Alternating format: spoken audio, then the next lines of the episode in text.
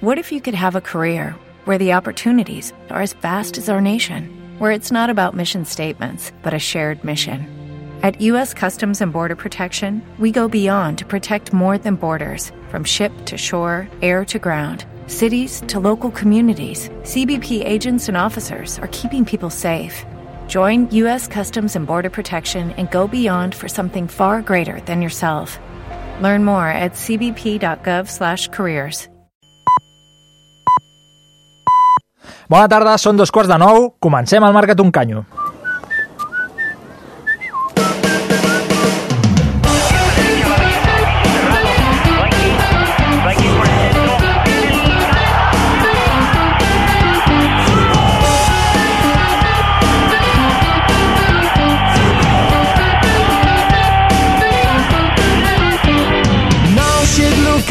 A Cultura FM, marca't un canyo.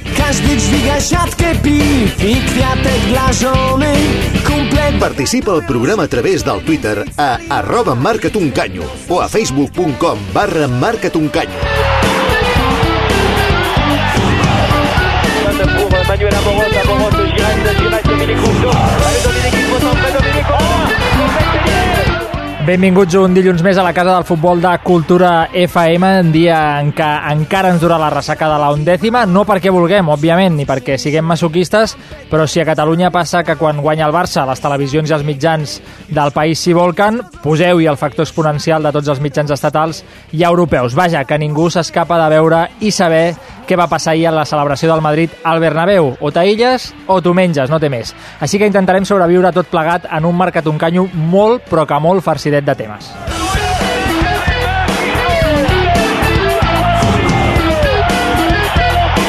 Analitzarem la final de Milà vista en perspectiva, sense l'escalfor del moment, i connectarem amb un convidat que ja ens espera al telèfon una vegada més. Ens va enamorar fa unes setmanes quan el vam entrevistar en directe i sent un porter històric de l'Atlético li hem demanat que ens torni a acompanyar avui. En res, en una estona, Miguel Reina, pare de Pepe Reina, en directe en aquest estudi.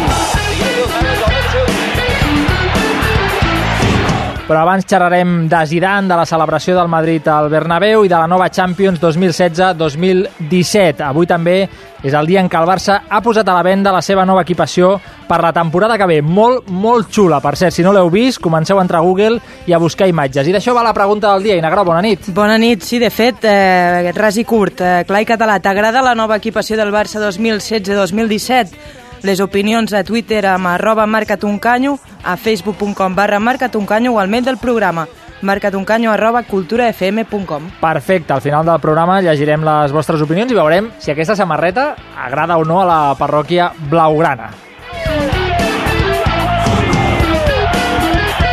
Com sempre, a la redacció i a la producció, la Grau, l'Oriol Cortés i la Paula Carreras i els botons, el David Gutiérrez Guti. I amb tot ben presentat, resumim el que ha passat aquest cap de setmana amb els highlights.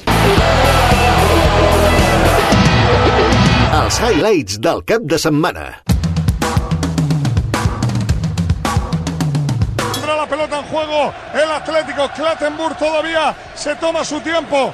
Búscame, búscame a Clattenburg, dice ok. Comienza el Atlético Madrid. Primera pelota de Gaby, abriendo para Savic. Savic quería pegar el pelotazo. Taponó Benzema. Saque de banda favorable al Atlético Madrid. Casi va individual en la pone Kroos. Bale peina. Ramos, gol, gol, gol, gol, gol, gol, gol, gol, gol, gol, gol, gol, gol, gol, gol, gol. Marca el Madrid. Marca Sergio Ramos. 15 de partido, primera parte. Real Madrid 1, Atlético 0. Aguanta coque para Griezmann. Griezmann con el balón. Mete por dentro para Torres. Pepe, penalti. Penalti de Pepe. Va a golpear Griezmann. Toma la tranquilidad del francés. Toma carrera. Chuta Griezmann al palo. Ahí va. Al palo Griezmann. Al palo Griezmann. Falla el penalti Griezmann. Ojo, pelota para el bicho. Chuta el bicho. Bla. Gaby quiere meter otra vez la pelota para Juanfran dentro del área. Pone Juan Fran. Seguro para. ¡Gol, gol, gol!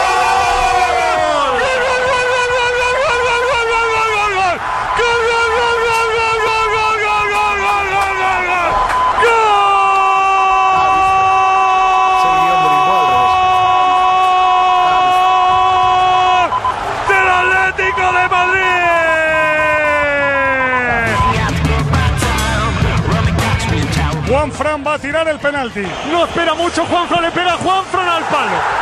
Al palo Juanfran. Al palo Juanfran. Si marca Cristiano, se lleva la undécima. Aparece Cristiano, Cristiano coge carrera, le pega Cristiano. Gol,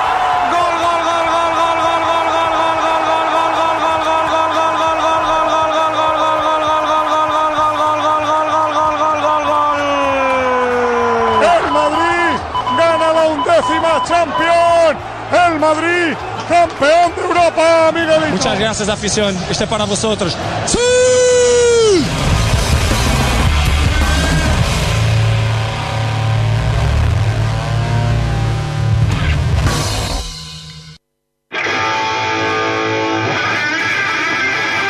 Marca't un canyo.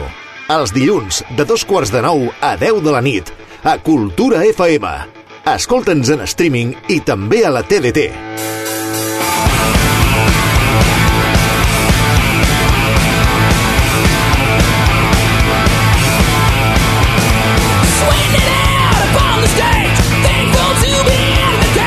I ja tenim a la taula de l'estudi de Cultura FM els tertulians d'aquest vespre amb el Jordi Sotorra, blogger supertroll a Twitter, amb el pseudònim, ja ho sabeu, del gos de Cris. Bona tarda, Jordi. Bones tardes, com anem? Prou bé, tu? Bueno, passant aïllat mediàticament i res, esperar que passin els dies. Perfecte. També és el Pau Arriaga, periodista de línia en xarxa i comentarista de 20 esports per a països de parla no hispana. Bona tarda, Pau. Bona tarda. I avui s'estrena, em fa molta il·lusió això, s'estrena la Clara Marcos en aquest programa. Ja deixo clar, perquè us agafi una depressió, que és la més jove de llarg a data d'avui de tot l'equip del Marcat un canyo, 18 anyets. Jo, bueno, és que he quedat acollonit. Jo ja puc marxar, fotre les maletes i, i me'n vaig. Què tal, Clara? Hola, bona tarda. Molt Tracten bé aquesta gent? Sí, sí. De moment sí, eh? Bueno, d'aquí una estona ja, ja m'ho explicaràs. Amb ells analitzarem la consecució de la undècima i la festa a Madrid. Parlarem d'aquesta nova samarreta del Barça, de Mercato, de la guerra Pep versus Mou 2.0 amb un reportatge de luxe de l'Oriol Cortés. Val molt la pena us el recomano. I ho rematarem tot plegat amb un nou estadis de futbol del Joan Santaló. Mare, mare meva, avui tenim uns continguts que no ens els acabem. Tot això i més aquí a Cultura FM fins les 10 de la nit. La tertúlia del Marca't un canyo.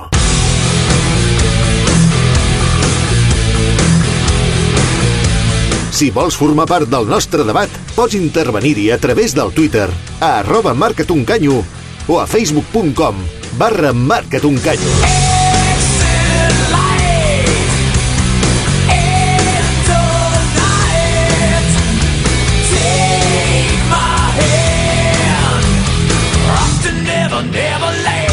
Passen 7 minuts de dos quarts de 9 de la nit, ho escoltàvem en els highlights del cap de setmana i toca parlar d'aquesta undècima del Real Madrid, guanyada a Milà dissabte. Ens hem passat dies dient que aquesta Champions, si era blanca, no enterbolia el doblet del Barça i no sé si és així per les tres persones que tinc a la taula. Pau Arriaga, va, obre el foc. Mm, no, i, i de fet jo no sóc gens partidari de- d'aquest debat que s'ha creat últimament de canvies el doblet per la Champions mm, no sé, no crec que són, són competicions molt diferents i més enllà de la sort o la molta sort que ha tingut el Madrid en, en els sortejos eh, crec que s'ha merescut guanyar la Champions perquè la final va ser millor. I res més a dir. Mm, en tenen 11, el Barça té 5 eh, petit apunt, eh, estem igual que abans a Wembley, o sigui, el Madrid 6 Champions amunt, eh, amb el millor, havent viscut eh, el, el millor Barça de la història i, vaja, jo crec que mm, la situació no és la que, la que podríem esperar, però vaja, en tot cas, um, jo crec que quan el Madrid guanya, al Barça li entra la, aquesta, aquest coquet, aquest, aquest foc, aquest esperit per apretar més les dents i guanyar la temporada que ve ser més fort. Uh, jo crec que la Champions no, no enterboleix l'any del Barça, el que sí que, bueno, uh, afecta l'estat anímic del, del, del culer, perquè no és el mateix guanyar Copa i, Copa i Lliga uh, i que la Copa de la, i que la Champions la guanyi qualsevol altre equip que guanyar Copa i Lliga i que el Madrid et guanyi la undècima doncs com te l'ha guanyat uh, a sobre l'Atlético empata i tens esperances fins l'últim moment ostres, i tens la mel als llavis que dius, ostres, que això s'ho endú l'Atlético i torna a passar el que, fa, el que va passar fa dos anys Però en teoria ens van passar setmanes dient que aquest Barça i aquesta afició estava prou madura com perquè això li, li fos igual. Eh, Jo crec que mai estem prou preparats com perquè el Madrid ens guanyi una Champions a la cara. No sé si la Clara ho veu igual. Jo crec que podem estar prou contents amb, amb el doblet que hem fet aquesta temporada. No hem pogut guanyar la Champions per, per la derrota que vam tindre amb l'Atlètic de Madrid, però, però una bona temporada que hem fet i, sens dubte, jo contenta. Contenta, eh? Bé, això, això està bé, culers contents, tot i que jo estic amb el Pau en aquest sentit, en l'era Messi, en l'era del millor futbolista del món al Barça, ostres, que el Madrid guanyi dos Champions en tres anys, sí. això fot. Això fot. Com a culer fot. Sí, sí. I, i més com l'Atleti de Madrid, que ens va eliminar, ja, ja podria haver guanyat, no? Almenys, però... Clar, sí, sí. ah, clar, aquesta és l'altra. Vist el que vam veure a la gespa, la història home, potser ha estat massa cruel amb l'Atlético. Sí, totalment. Jo, cre jo crec que és l'equip eh, que, que ha patit més la crueltat de la Champions, però sense cap mena de dubte. Vull dir, és que tenen dues finals contra l'equip, ah, el, el seu rival ciutadà, i, ostres, i una la perden al 93 i després ja els penals, expulsió, etc. I, i l'altra la perden bueno, a l'últim penal, amb un penal enviat al pal. Ostres, és que un guió més cínic que això jo crec que no el trobem a la història del futbol, a no ser a la final del Camp Nou entre, entre United i Bayern. Sí, a la, a la, al, al post del maig ja s'analitzaven les, les tres finals de Champions que ha perdut la- que ha perdut l'Atlético de Madrid, la primera amb, amb Miguel Reina al 73, si no recordo malament, contra el Bayern, sí, el partit de desempat, uh, la de fa tres temporades contra el, contra el Madrid amb el gol de Ramos a, a Glasgow al 93 i després la pròrroga i tal, i aquesta als penals, és que a l'Atlético només li queda un, un escenari de perdre la Champions, que és directament que et fotin la pallissa de la teva vida, un, un 5 a 0, o, o sigui, ja... i Com a, Realment, com a escenari dramàtic. com a escenari dramàtic, sí, sí, o sigui, és que ja, vull dir, no, és allò de, no, no se puede ir más, más bajo, o sigui, no, no se puede caer más bajo, no sé, mm, jo quan empata Carrasco, um, crec que l'Atlético, i més en particular Simeone, no va a buscar el partit tenint dos canvis, i jo és el, l'errada l'errada que veig. És que el xolismo té aquest risc. Sí, tant. Que apures, apures, apures, apures, i, ostres, si apures tant, a vegades surt cara. I li ha sortit cara les dues vegades que, que, que ha jugat en aquest joc. Clar, eh, entenc que si, si plantegin els partits de forma diferent doncs no serien aquest Atlético de Madrid i molt probablement no haguessin arribat on, on han arribat perquè proposar-li un partit de tu, de tu a tu al Bayern a 180 minuts doncs potser no haguessin passat o al Barça i, uh, de la mateixa manera. I clar, et passa això i no sé si ells es replant... bueno, entenc que el Xolo no es replantejarà res perquè aquest és el, ha estat el seu model d'èxit. Però per exemple la Lliga que van guanyar ostres, que la guanyen l'última jornada empatant al Camp Nou i, i, i el Barça mm, crec que recordar que va, va tenir un penal no pitat o No, no, un un, gol un, de un joc. gol anul·lat, un No, gol no. anul·lat. Clar, No és, era fora de joc. clar, bueno, és, és jugar al límit i, clar, aquests petits detalls, doncs mira, un gol, un gol mal anul·lat et dona la Lliga i l'altre dia, doncs, uh, un gol que haurien d'haver anul·lat al Madrid, doncs puja el marcador, et complica la, la final i al final, doncs mira, Juanfran falla, falla el penal. És que a més, ara repassava mentre parlàveu, és tot un cúmul de despropòsits. Gol en fora de joc de Sergio Ramos, tot i que és cert que és complicat de veure. Qualsevol de nosaltres Sí, sí, fos sí. assistent, li hagués estat complicat. Griezmann falla un penal, sí. clamorós, a més, eh, i, i després eh, Juanfran falla el quart, vaja, inexplicable tot plegat, és com si algú els hagués fet, els hagués fet eh, vudú. En tot cas, clar, no sé si, si, si aquest escenari de partit que vam veure li treu una mica de mèrit a, a aquesta Champions del Madrid. No sé si, si en manteneu per on vaig. És a dir, el Madrid al final no va ser superior en cap moment a l'Atlético. Tothom parla de la desgràcia de l'Atlético, mm. que, que van estar molt bé però que no van tenir sort, i en canvi el Madrid fent allò, el mínim lo esforç, justo, amb, amb, amb lo just, va acabar guanyant. Per vosaltres això és, és significatiu o al final a la història el Madrid tindrà una Champions més i s'ha acabat? Home, per mi haig de valorar, per exemple, eh, que el fet de que Griezmann fallés un penal, però la capacitat de l'Atlètic de, de continuar allà lluitant i, i empatant inclús fins la pròrroga de més. vas veure que l'Atlético era capaç de, de tirar endavant això i, Exacte. i en el fons, eh, diem, la història... Molt mèrit per part de l'Atlètic. Correcte. Jo, jo al final on volia anar era que el Madrid ha fet una Champions jugant ho, explico, ho parlàvem abans a, Mm. a micro tancat, jugant contra equip... D'Intertoto. D'Intertoto, jo anava a dir d'Europa League, però si voleu dir-li Intertoto, però al final ha jugat contra la Roma, que el 2015 i el 2016 ha estat subcampiona, ha jugat contra el Wolfsburg, que el 2015 va ser subcampió, però que el 2016 ha estat vuitè a la Bundesliga, i contra el City, que ha estat segon i quart en aquestes dues temporades, respectivament. Clar, al final, si un és mal pensat i ho repassa amb la trajectòria Barça 2015, costa d'entendre, perquè el Barça va haver de guanyar a tots els campions d'Europa, un rere l'altre. I, I tu ara plantejaves que si al partit que fa l'Atlètic de Madrid li treu mèrit a, a, a, la, a la consecució del, de la Champions del Madrid, i jo diria que és al revés, o sigui, que l'Atlètic de Madrid és qui més valor li dona en aquesta Champions, no? perquè eh, és l'equip de més entitat i qui més contra les cordes ha posat el Madrid, perquè ni el City va ser rival, el Wolfsburg, doncs, que és el que dèiem, el Wolfsburg ha quedat vuitè a Alemanya i el Bayern ha tret quasi el doble de punts que ell. Això em sembla impensable per- un equip de quarts de final. I l'altre equip va ser, va ser la Roma. Ja vam veure el Barça que, que era la Roma. Vull dir que és l'equip amb més cara i ulls que s'ha trobat se l'ha trobat a la final i ha tingut aquest punt de sort. Abans el que dèiem de l'Atlético de Madrid, l'Atlético de Madrid ha jugat aquest joc i en aquestes dues últimes finals li ha sortit a creu, però va jugar el mateix a l'eliminatòria contra el PSV de vuitens, 0-0 anada, 0-0 la tornada, tant de penals, i allà Juan Fran, doncs mira, va estar, va estar encertat. I Oblak. I Oblak, sí, bueno, el d'Oblak, no sé, ja ho veurem. Jo, Uri, um, ahir, més que, més, que no pas, més que no pas dissabte, um, vaig arribar a la conclusió de que com el, com el Madrid li és absolutament igual com es guanyen les coses, ells estan contents, ho celebren, ahir Arbeloa dient que no sabemos dónde empezó todo, la, el Bernabéu en recordança de Piqué... Mm, eh, o sigui, el, igual que a, a Barcelona i a Catalunya ens pre, no només ens preguntem els què sinó els perquès um, a Madrid només amb, amb el què ja en, ja en tenen prou uh, ells gaudeixen de la undècima els és igual com ha arribat aquesta undècima, amb els sortejos favorables, sense, sense entrar valorant si hi ha eh, manipulació o no, que jo crec que no, no és una cosa que no es pot demostrar, per tant, has de pensar que tot és net. Um, i això, o sigui, han, has anat superant rivals. La temporada que va començar amb el, amb el fax de, de Gea, que va continuar amb Cherisev, que va continuar amb Benítez No, sortint... és que és la temporada més estranya del Madrid dels últims anys. Però tenen aquesta mm, capacitat de, de supervivència i de, i, de, i de portar el vaixell en, en aigües tèrboles i mogudes i quan sembla que tot se'n va en orris, la undècima i... I que una cosa no treu l'altra, o sigui, el glamour que té la, la Champions no treu que no sigui una competició on la sort juga un, un paper tant. fonamental. I tant.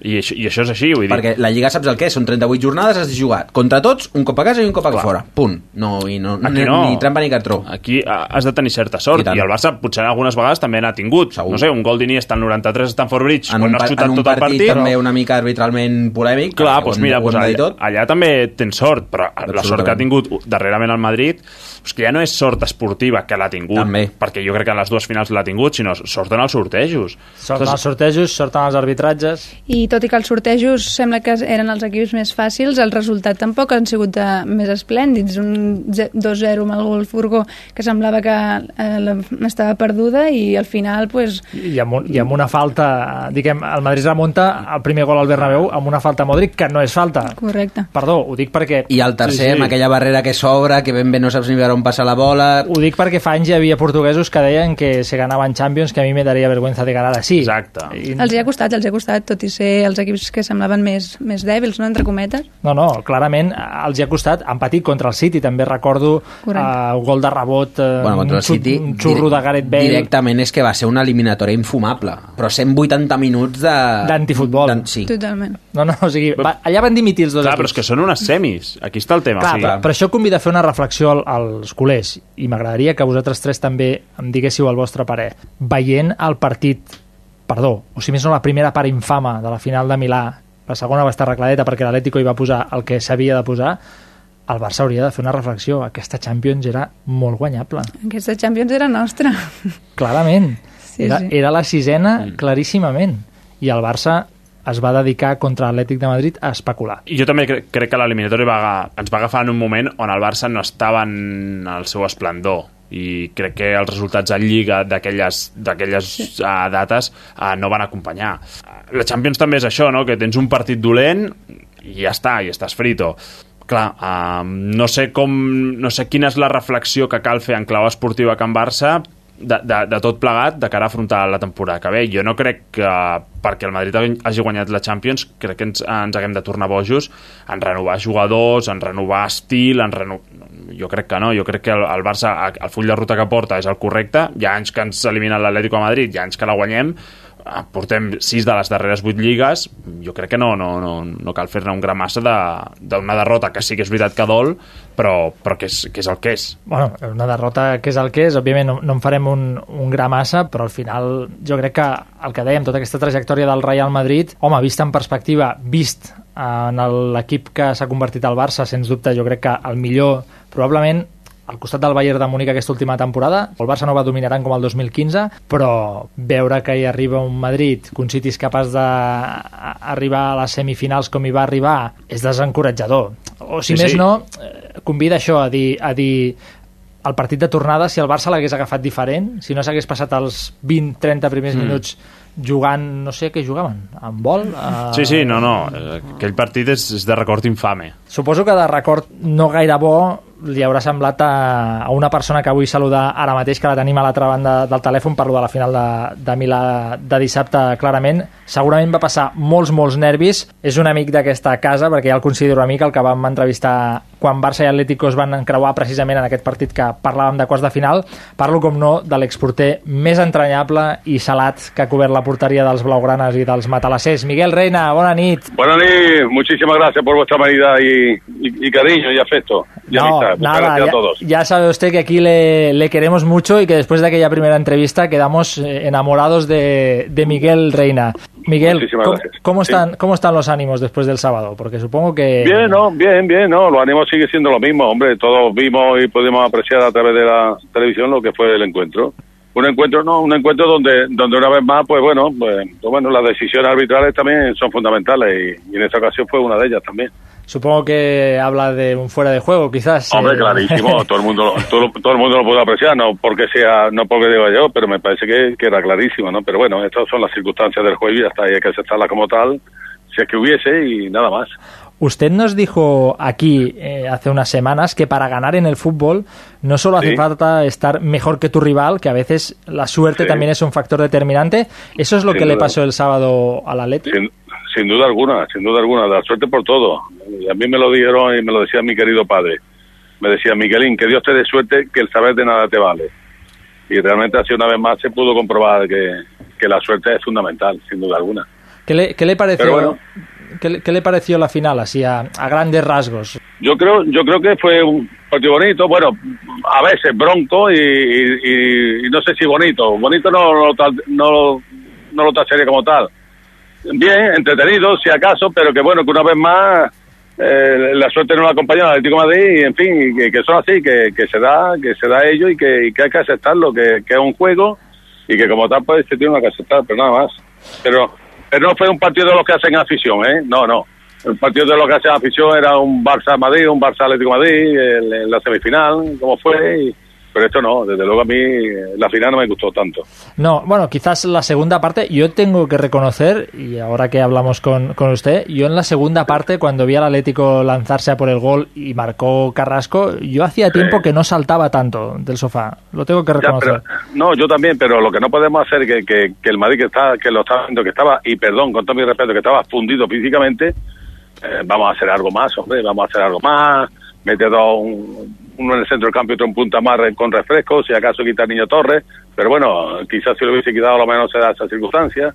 Eh, hay que estar allí, ¿no? Hay que estar allí y, y ser el cholo y, y bueno, y fue así, que lo tenemos que aceptar como fue y nada más. Lo que pasa es que es una pena que ya son tres ocasiones en las que hemos estado ahí el Atlético de Madrid eh, para poder conseguir una de estas es que se nos niega absolutamente, ¿no? O que se le niega Atlético de Madrid, ¿no? Está, está agafado el Atleti en las Sí, totalmente, de, de totalmente. No, en ese, en ese hacer, en ese hacer sigue siendo el pupa, sin duda alguna. Por mucha vitola que queramos quitarle, eh, aún permanece en él, ¿no? Esperemos que, que, tarde o temprano se la quite. Señal de dos cosas. Uno, de que será campeón de Europa y de que una final está cerca. Eso estaría, estaría muy bien. Antes lo, lo repasaba ahora con los tertulianos sí. que tengo aquí en el programa, pero uno sí. no termina de creerse la suerte también que ha tenido el Madrid con su camino hacia, hacia la undécima, ¿no? Con unos rivales, no había no, no, ni, ni, un campeón de, de liga. Yo al final, yo al final palabritas del niño Jesús que voy a tener que creer en la, que voy a tener que creer en la bola fría, de verdad. no, Sí, me- no, me, no me va a quedar más remedio que creer en la bola fría, porque hay que ver la suerte que ha tenido con los sorteos, hijo. Eso es como las meigas en, en Galicia, ¿no? Sí. Que dicen que a ver las Ailas, pero, ailas, pero nadie las ha visto. Claro, pero si- siendo, siendo así, eh, el subcampeonato, digamos, por el coraje que le puso el Atlético, por, por los rivales que tuvo que dejar atrás, todo un Barcelona, todo un Bayern, ya sé que no es lo mismo, pero ¿sabe un poco mejor que el de hace dos años? Yo no sé, yo sabe, yo- el sabor de el, el- sabor amargo de una derrota en una final de Copa es tremendo. Eh, te lo dice uno que lo pasó por ello. Y la verdad que, le- que creo que sinceramente, de verdad, no por nada, pero pero el- la historia y el y el fútbol creo que, que el Atlético de Madrid merece merece ser alguna vez campeón de Europa. Le va a costar muchísimo, obviamente le va a costar muchísimo, si es que si es que además ahora llegamos a alguna otra final, ¿no? O llega a otra final el, jugar la Copa Europa no es, no es sencillo, eh, ahí están los mejores y como tales, mira, el, Valle de Múnich se quedó fuera y que, y que para mí es el mejor equipo del mundo ahora mismo, que se llama el Barcelona Club de Fútbol, también quedó fuera, ¿no? Con ello eh, te digo lo que lo que sucede y lo que es el fútbol, ¿no? Pero en fin, el premio está ahí, el premio es no es el segundo, pero bueno, se jugó una vez más la final, pero a ver si algún día le alcanza, ¿no? En ese sentido, a mí me cuesta imaginar a un Atleti en otra final sin el Cholo en el banquillo. Y lo que dijo después del partido, vaya, no sé cómo, cómo hay que valorarlo. Eso de que ahora es tiempo de pensar, tiene ofertas. a mí, con todo mi respeto, me cuesta eh, aún más el ver de nuevo a un Atlético en una final. Con todo mi respeto, ¿eh? Y a los colores que he defendido durante siete años. Llegar a una final de Copa Europa es muy difícil, ¿eh? Es muy difícil. Y, y ahora, eh, tremendamente difícil. No sé, no sé cuándo tendrá otra oportunidad. La verdad, desearía que lo antes posible, la próxima temporada, si acaso, pero que ahora, mm, que es muy difícil llegar a una final de Copa Europa. Ya sabe Dios cuándo nos veremos en otra. Claro, eh, aún así, con todo esto que, que usted nos cuenta siempre tan abiertamente y, y de esta forma Sí. tan natural, claro, viendo cómo transcurrió esa final que, que no nos gustó a muchos y, y que el Atlético Sí. seguramente en la segunda parte fue superior, la primera parte ya la anulo porque fue un, Sí, un cúmulo de despropósitos. Eh. ¿El Madrid le parece un campeón injusto? Perdón, el, el Madrid ha sido campeón de la Copa Europa. Injusto o no, no lo sé. Lo que sí te digo es que ha tenido 700 kilos o 700 arrobas de suerte, eh, si lo pesamos, en, en ser campeón de Copa Europa. Sí, yo creo, sinceramente, yo digo mi, mi verdad y lo digo de corazón y además, eh, hombre, cualquiera que me oiga y esté escuchando que, que sea del Madrid, este es un permazo, pero lo voy a decir. si alguien tiene que haber sido campeón de Copa Europa era el Valle de Múnich que puede haberle metido 5 al Atlético de Madrid en su casa. Es decir, el, el Valle de Múnich. Y el Barcelona, no, digamos, el Barcelona que tuvo 43 ocasiones de gol de cara al Atlético de Madrid. Eh, si es que, si es que eso es un cúmulo de todo, ¿no? Y por otra parte, por esos resultaditos y esa, y esa, y esos cruces que se dan, pues también de igual manera, ¿no? Y que me perdonen, pero yo soy, eh, me gusta hablar muy claro y ya con 70 años que tengo no voy a buscar amigos ni, ni voy a, ni, ni quiero ser simpático ni antipático, pero pero que el Madrid ha tenido muchísima suerte para ser campeón de Europa, es muchísima suerte, vamos. No se lo creen ni ellos, vamos, lo tengo claro. No, no, además, eh, como yo antes lo comentábamos aquí en Tertulia en el programa, aparte de los rivales que fueron de los más flojitos, luego tuvo goles de rebote contra el City en una eliminatoria que acaba 1-0, eh, bueno, tremendo. remonta contra el Wolfsburgo, la Roma le metió no sé cuántas ocasiones en, en octavos y no, no había forma de que aquello entrara. Claro, al final también pasa esto de que todo el mundo ahora pone a Zidane en, en un altar y No, pues vamos, no es- vamos, a- vamos, a añadir, vamos a añadirle también a ese más, a añadar, a añadar- a- añadímosle, uno, o añadémosle el, el gol de, de la final de Sergio Ramos en, en fuera de juego, hombre, que es que fue un juego clarísimo. Le, le veo le veo duro con, con la con la valoración que por otra parte No, me no, parece natural ¿eh? valoración, no, no, no, es que, mira, yo tengo, yo tengo un gran recuerdo, yo tengo un gran recuerdo de cuando yo jugaba en mi, en mi Barcelona, es decir, yo le gané una copa, o nosotros le ganamos una copa, el Barcelona le ganó una copa de su excelencia generalísimo, porque Sunsunegui se metió un gol en propia puerta el día de la botella, si no, estoy absolutamente convencido de que no lo hubiésemos ganado. Claro, eh, el árbitro no pudo anularlo, ¿o no es así? sí sí es así clarísimamente no, no será. Se ganó 0-1 en Bernabéu, ¿no? Y fue gol de Sunsuregui en propia puerta. Claro, el árbitro no se puede no puede anularlo, hombre, faltaba más, ¿no? Y de ahí y de ahí, bueno, y de, y de ahí que lo consiguiésemos ese título. Pero que es muy difícil, hombre, jugando contra Madrid es muy difícil. El mejor fichaje que hizo el Real Madrid, ¿sabe usted quién es? ¿Quién? ¿Quién? Don Antonio Calderón, que fue que era el presidente de la Federación Andaluza de Árbitros. Es el que hizo el, es el que hizo el gran el, el gran Bernabéu. Es el mejor el mejor fichaje que hizo el Madrid en toda su época. Vaya. Y a partir de ahí que lo entienda uno como, como quiera. Este, le iba a decir. Los casos de Rigo, los casos de Rigo, los casos de, de tanto y tanto otros, los casos de Paco Tejerina en, en Córdoba cuando nos, nos pitaron un penalti en contra y, y pedimos la Liga del Barcelona yendo 0-0 y el Madrid perdía 4-1 en Campeonato de Madrid, gol de Fermín, eh, faltando 12 minutos, en fin, si es que hay para contar películas y películas, hombre. Sí, sí, le, le, iba a decir que, que más, más claro el, el agua. A, aún así, pa, para usted que, que, vivió en el 73, en aquella final contra el Bayern, vivió aquel momento duro ¿no? de, de perderlo Sí. en el replay, uno se pone en la piel de, de Torres, por ejemplo, que estaba llorando, Uf. de Juan Fran que falló el penalti. ¿Cómo, ¿Cómo se levanta uno de eso para seguir luchando por más cosas a partir de ahora? Yo desde aquí lo único que deseo es que Juan Fran se reponga lo antes posible, que olvide lo sucedido. Y Torres, pues el niño, hombre, era un premio y poner un broche de oro a su carrera profesional y deportiva. Y de igual manera, pues desde aquí un abrazo muy fuerte a Juan Frey, que nada, y que el hombre se tiene que levantar, el hombre tiene que continuar en la vida y el que cae se tiene que levantar y, y, y que es una mala suerte que vamos a hacer, ya está, y que es un deporte y que como tal lo tiene que aceptar y nada más, que, que la vida sigue y que, y que, y que, y que como sale una prensa aquí, tenemos los odiados del Atlético de Madrid, él y yo, pero bueno, ya, ¿qué vamos a hacer? ¿Qué vamos a hacer? Que, que se levante él, que yo, yo trate de levantarme, que nada, que, que mucho ánimo para él, hombre, es Bien. joven y que la vida sigue.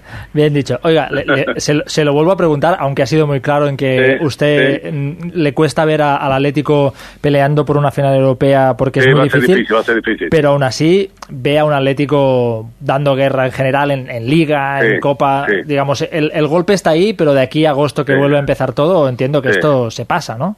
No, yo creo que sí, no, además los jugadores se tienen que, ellos son unos profesionales como la Copa Un Pino y están demostrando eh, la verdad de lo que existe en ese vestuario, que es una piña, eh, un grupo de amigos, un tío de profesionales únicos y que, y que bueno, y que sale y que lucha y que pelea hasta el último minuto. Lo que pasa es que eso que, puñetas, que, que a ver si algún día la suerte la acompaña hasta el final, hombre. Y, y, y que no existan los colinas, los colinas de turno, ¿me entiendes? Sí, Del sí, tema. Quien nos oye sabe ya también a qué me dijo. No, no, O sea cla- que- así de claramente. claro. Claramente. Sí, sí. Está, Que no, que a mí no me va que a mí no me va a callar nadie, ¿no? Te digo porque tengo ya 70 años, que no me van a callar ahora con 70 años. Si lo que hay que decir en la vida es que hay que ir con la cabeza muy alta, y siempre, y, y ser digno de ti mismo, y ya está. Y lo que hay que hacer es con la verdad por delante. Yo te digo que el Madrid mm, compraba los partidos, que el Madrid ha comprado árbitros y que el Madrid sigue teniendo más suerte que la puñeta en todo. y que usted vivió una época en que eso parecía, digo parecía con muchas comillas normal, pero vaya, que igual alguna cosa hay todavía por ahí, ¿no? Hombre, pero bueno, pero no hace falta más que verlo. Usted, ¿De verdad que ustedes no vieron las finales de, de la Copa Europa hace tres días? Sí, sí, ¿no? mire, si, si le explico el Sí, panorama que hay ahora... usted, este- usted me puede decir si fue eh, fuera de juego o no. No, no, lo fue, lo fue, lo fue. Si le Eh, explico... pues está, Sí. Mi- Miguel, si le explico las caras que hay ahora mismo en este estudio, la gente está Sí. riendo, poniendo ojos de, Claro, de lleva claro. razón. De sorpresa, ¿por qué? Porque, porque hablo claro. Pues si la vida es lo que hay que hablar claro. No, no, de sorpresa no, de que están Claro. haciendo un club de fans de Miguel Reina aquí mismo. La Ah, gente bien, está bien. haciendo carnets ya. Bueno, ¿eh? encantado, pues muchas gracias, hombre, muy amable, muchas gracias. Mira, mira, hay algo, hay algo importante de verdad que desde aquí y en Córdoba siempre cuando he sido concejal de deporte he querido impregnar a los niños que comienzan el deporte. En la vida, desgraciadamente, todo es efímero. Desgraciadamente, digo desgraciadamente porque el cariño, el amor, eh, el dinero y la fama, todo es efímero. Y lo que queda es la buena gente. Nosotros tenemos que enseñar a nuestros niños a ser buena gente y, y a ser fieles a sí mismos con su pensar y decir. Y nada más, lo, lo demás es cuento y chacarrillo. Que no nos vengan a contar ahora que si esto, que si lo otro, que no, que no. Mire usted, que el gol fue fuera de juego y como fue fuera de juego lo digo y ya está. Bien Claro. hecho, bien hecho, sí señor. Claro. Eh, Miguel Reina, eh, es- nos encanta esta transparencia suya, ese buen rollo. De hecho, me gusta que acabemos con sonrisas este espacio Escucha, porque... Que, que, conste, que que por lo menos tres enemigos me voy a crear, oiga. al menos tres, al No. menos tres, pero bueno, No, tranquilo. Nada, nada, nada de enemigos. de- déjese de enemigos, bueno. que, que el que quiera un O- enemigo... O, que no simpatice, o que no simpatice mucho conmigo, pero bueno, Vale, pero- que tranquilo, que ya tengo 70 años, que no hay problema. Al final no se puede ser amigo de todo el mundo, no, Claro, claro, sufro, efectivamente. Pero le iba a decir, es que hemos empezado la, la- esta llamada que, que le he visto Sí. un poco desalentado y tal, y me gusta que acabemos sonriendo porque, porque aquí Siempre la vida. somos muy de, de Miguel Reina. Ponerle humor siempre a la vida, de verdad, que son dos minutos los que venimos aquí a este mundo. Vamos a disfrutarlos todos y, a- y, a- y alegría para todos, de verdad, que es lo mejor, hombre. Eso hace falta, sí, sí señor, con eso me quedo. Miguel, eh, aunque el Atlético no levantó la Champions, creo que tenemos que ir igualmente usted y yo a Canferran a celebrar la gran temporada Sin duda colchonera. alguna, con Eh, nuestro gran amigo Alberti, hombre, los mejores canelones del mundo se comen allí. Exacto. Bueno, allí se come todo lo mejor, sin, sin duda alguna. Exacto. Y además, con la familiaridad y el cariño que nos da esa familia. ¿eh? Y, y en la primera entrevista que, que hicimos, impresionante. usted, usted ya me lo dijo, yo llevo un mes y medio babeando pensando en esos canelones, o sea que esto hay que, hay que atacarlo, ¿eh? hay que rematarlo Pues, ya. escúchame, no es, que, no es que quiera hacer publicidad de la misma, de, de casa, pero Canferrán, la mejor casa del Mon.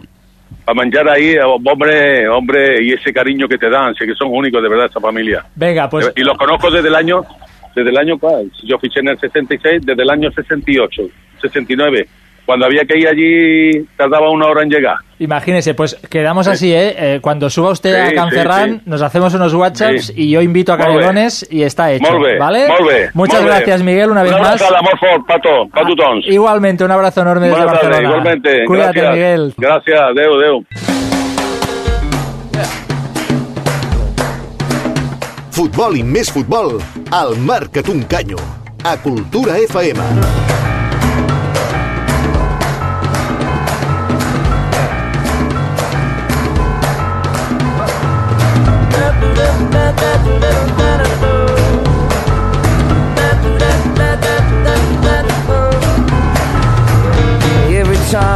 What's written on your mind.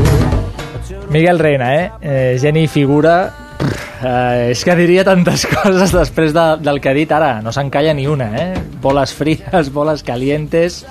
La seva, la seva actitud davant de la vida de tinc 70 anys i pr- pràcticament me da, me da igual todo, m'encanta i ostres, um, és, és un plaer sentir-lo. és, un, és com el coaching que ara es porta, no? Però una versió d'un tio de 70 anys, eh? que la vida són dos dies, disfruti, no? No, no, a, a mi el que m'ha sorprès és, ara dient-ho seriosament, com ha parlat de clar. Al final, ell ve un gol en fora de joc i no li expliquis històries, ell creu que el Madrid ha tingut molta sort i, òbviament, ha deixat clar, quan jo l'he insinuat si el trofeu era injust, ha dit que no, que el campió és el campió i punt, però que el campió ha tingut molta, molta sort. Clara, tu no coneixies el personatge, No. suposo. Aquí ja l'havien viscut just aquests dos senyors, perquè ja hi van ser el dia que el vam entrevistar per primera vegada. Què, què? Què t'ha semblat? Jo sóc fan, ja. Ets fan, eh? No el vaig, no, el va, no tingut l'oportunitat de seguir-lo per, bueno, perquè tinc 18 anys, no? però, però sí sóc fan, perquè no dir-ho clarament, no?, el que pensa. L'edat l'edat no ha de ser un hàndicap perquè ens fem uns carnets tots del club de fans de Miguel Reina. Eh, Clara et tocarà el número 1 perquè és que la Clara feia, una, feia unes cares, jo l'anava mirant i, i l'he vist que estava al·lucinant amb la claredat d'aquest home. Per anar tancant la carpeta undècima, diguem, Miguel Reina ha parlat molt clar, hem comentat una mica què ens ha semblat, com ha estat aquest camí del Madrid a la final, si el Barça l'hauria pogut guanyar o no justament contra el Madrid. Això és una altra cosa que m'agrada pensar. Amb aquest Madrid jo crec que el Barça hauria pogut fer molts estrips, però el que deia, per tancar aquesta carpeta de la undècima, que ja aniria segon, sent, sent hora, eh, em queden dues qüestions per resoldre. La primera és sobre Zidane, l'home que ha tornat la il·lusió al madridisme. El veieu triomfant a la banqueta blanca la temporada que ve? és quan se l'ha de jutjar, perquè al cap i a la fi ha fet més de, de gestor de vestidor que no pas d'entrenador. De fet, jo crec que ha, ha guanyat la seva tercera Champions, una com a jugador, una com a assistent i aquesta com a entrenador, amb una idea que no és la seva, amb un futbol que no era el seu, amb, amb Casemiro, que és una um, idea de Benítez, un Benítez que ha baixat a segona i del, del qual ningú s'han recordat, o sigui, però en cap moment, eh? O sigui, no, no, no hi ha hagut ni un jugador, no, però ni un, que hagi tingut ni un simple detall, ni, i també agradecer a Rafa, res. Um, I jo crec que Zidane se l'ha de, de començar a jutjar, uh, en primer lloc, quan es faci seu l'equip, perquè aquest no deixa de ser l'equip de Benítez gestionat per ell, i és això, o sigui, a a Zidane jo crec que amb, amb justícia i amb, i amb, i amb tots els ets i uts se'l se podrà començar a jutjar a partir de l'agost. Jo crec que Zidane ha fet allò que fan els àrbitres, que és un siguen, siguen, no? És a dir, jo poso els 11 que, que em sembla, no? que crec que poden donar un, un millor rendiment, els poseu sobre el camp, és a dir, Zidane no ha fet cap meravella. Zidane ha anat traient partits, uh, si no recordo malament, els registres que té a fora de casa en Lliga no són cap, cap barbaritat, i, i a la Champions doncs, ha fet el que hem vist, i el que hem vist és el que hem comentat abans, ha guanyat amb, sense cap mena de brillantor, ha arribat a la final i li ha sortit cara, igual que dèiem que abans a l'Atlético de Madrid li ha sortit creu. Um, veurem quina és la idea que, amb això que deia el Pau, qui, qui, quin tipus de jugador portarà, qui- quins jugadors descartarà, si James seguirà o no seguirà, mm, ja veurem. I, I sí, sí que tinc ganes de veure quin és la, la vessant de Zidane eh, fitxadora, és a dir, quin perfil de, de jugadors fitxa. No només fitxadora, propositiva, no? Mm. O sigui, Sí, quina bueno, proposta té? propositiva, que també és veritat que, que, que és una mica incongruent veure què voldrà Zidane si en el Madrid qui fitxa no és l'entrenador sinó, que, sinó que és el president. Aquesta és una gran avantatge pel Barça. Que a dia d'avui. Florentino es mantingui, em sembla un, el més gran triomf pels blaugranes. Sí, Això- perquè acabarà fitxant doncs, qui destaqui de l'Eurocopa. Lewandowski es parlava darrerament que... Sí, però això aniria condicionat a la sortida de Benzema, que això Sí. ja és... Bueno, ja I. I Zidane i Benzema es porten. Que, sí, que també és veritat que, que si fitxen Lewandowski, el Bayern suposo que els atracarà de mala manera. No ho dubtis. No, vull dir, No crec que Rummenigge el deixi anar per menys de 50 quilos. Clar, és una mica Claríssim. això, a veure qui- qui- quin és, bueno, quina és la idea, la idea que tenen. I, bueno, I potser també farien bé de desprendre's de Benzema i, i, i, i apartar tot, tot aquest entorn que porta Benzema de, de, de senyores, de cotxes... De, Senyoretes. Sí, senyoretes. Bueno, que Però són menors, són bueno, senyoretes. Bueno, són senyoretes. Uh, I tot això que, que envolta a Benzema, que bueno, crec que no li fa cap mena de bé ni al Madrid ni, ni amb ell, òbviament. Clara, tu, que es quedi Zidane, t'està bé? Ja ho veurem, jo crec que de moment eh, el que ha fet és treure del pou on estava el Madrid al principi amb Benítez i aviam és el que deia el meu company, eh, aviam com ho fa a partir d'agost, aviam si continua donant l'oportunitat a Lucas Vázquez, que crec que ho, ho està fent molt bé i aviam d'aquí prescindeix i, i aquí, i aquí fitxa. Clar, en tot cas, Zidane ha estat un tipus que, que no li reconeixem una idea futbolística, no? És el que li deia abans al Jordi. Propositiu no ho ha estat. Hi ha la incògnita, però vaja, això pot ser una gran avantatge pel Barça, perquè és un equip que s'ha de refundar, en certa manera. No sé si, si això pot ser, pot ser significatiu. Anem amb la darrera qüestió, i ara sí que us prometo que tanquem l'araquiri undècima que ens estem fent avui en aquest programa. La darrera qüestió té a veure amb això que escoltarem ara. Buenas noches. Yo no sé cuándo ni con quién empezó todo esto, pero sí sé polla. ¡A Madrid!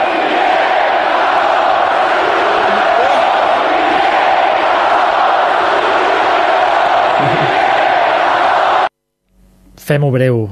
Mm, hosti, la, la, la cara de la Clara és tot un poema quan ha sentit... No sé si es, li ha semblat pitjor el tema d'Arbeloa o Piqué Cabrón saluda al campió. Piqué Cabrón, saluda campeón. Jo, Clarament. Sí, sí, totalment. Vaja, però, però Piqué s'ho ha guanyat una mica o no? Sí, Home, eh, ha picat, ha picat, no? Però...